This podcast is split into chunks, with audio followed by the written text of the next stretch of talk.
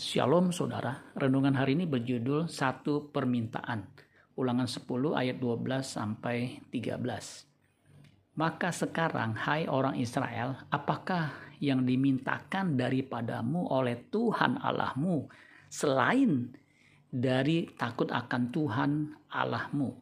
Hidup menurut segala jalan yang ditunjukkannya, mengasihi dia, beribadah kepada Tuhan Allahmu dengan segenap hatimu dan dengan segenap jiwamu, berpegang pada perintah dan ketetapan Tuhan yang kusampaikan kepadamu pada hari ini, supaya baik keadaanmu.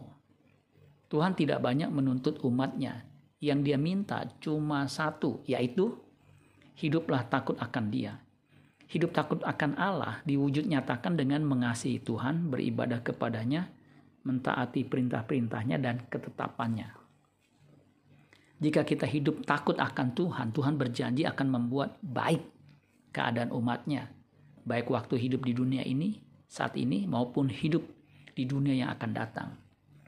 Mazmur 25 ayat 14, Tuhan bergaul karib dengan orang yang takut akan dia dan perjanjiannya diberitahukannya kepada mereka.